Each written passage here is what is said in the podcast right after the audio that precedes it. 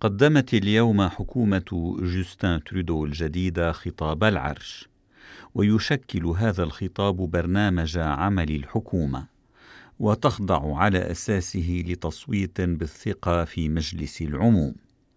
ووفقا للتقليد المتبع قامت حاكمة كندا العامة وهي حاليا جولي بايات بقراءة الخطاب أمام البرلمانيين في مقر مجلس الشيوخ وهو مقر مؤقت حاليا. وشدد الخطاب الذي أعدته حكومة ترودو الليبرالية على أهمية التعاون بين مختلف الأحزاب الممثلة في مجلس العموم.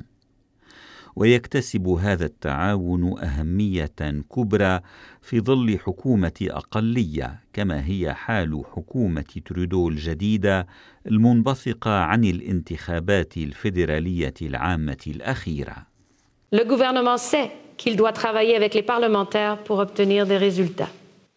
Le mandat de cette récente élection est un point de départ et non le dernier mot. Le gouvernement est réceptif aux nouvelles idées provenant de tous les parlementaires, les partis intéressés, les fonctionnaires et les Canadiens. تدرك الحكومة أن عليها العمل مع البرلمانيين للتوصل إلى نتائج، والتفويض الذي حصلت عليه في الانتخابات الأخيرة هو نقطة انطلاق وليس الكلمة الأخيرة.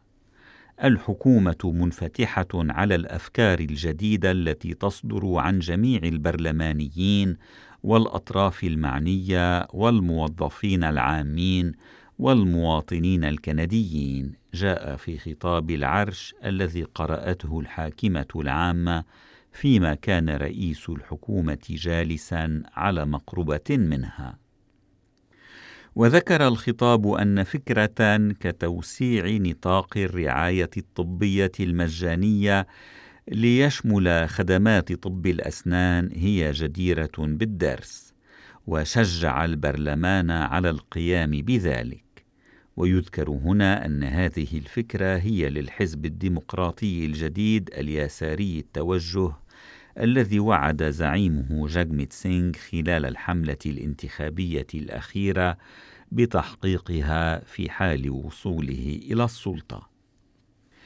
يعتقد البعض أن حكومات الأقلية غير قادرة على إنجاز أعمال، لكن تاريخ كندا يقول لنا عكس ذلك، أضافت حكومة ترودو في خطاب العرش.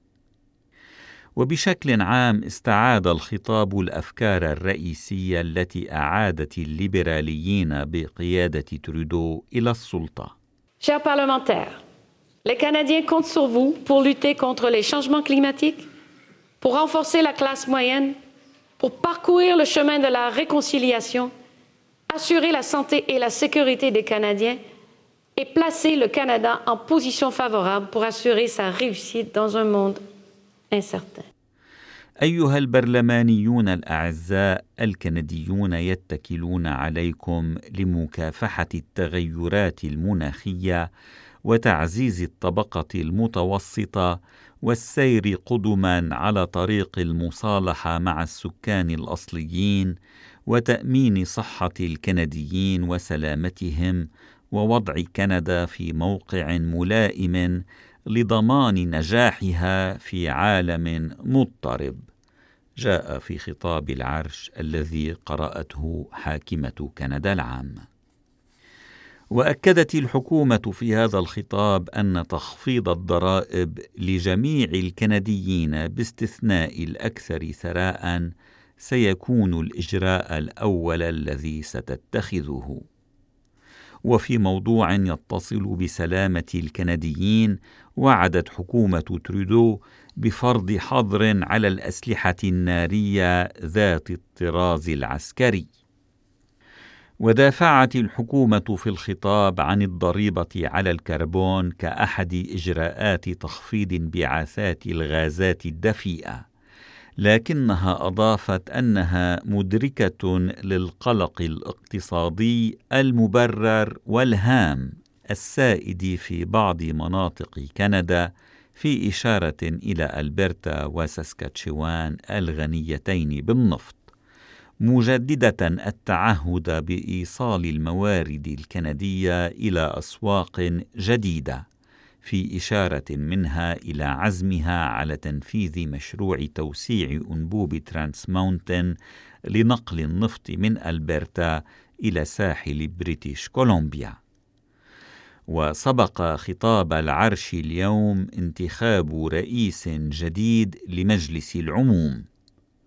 وفاز بهذا المنصب النائب الليبرالي أنثوني روتا الذي فاز في الانتخابات العامة الأخيرة بمقعد دائرة نيبيسينغ تيميسكامينغ في أونتاريو لمرة خامسة. وتنافس روتا الإيطالي الأصل مع أربعة مرشحين آخرين لمنصب رئيس مجلس العموم. من بينهم رئيس المجلس السابق جيف ريغان الليبرالي أيضاً.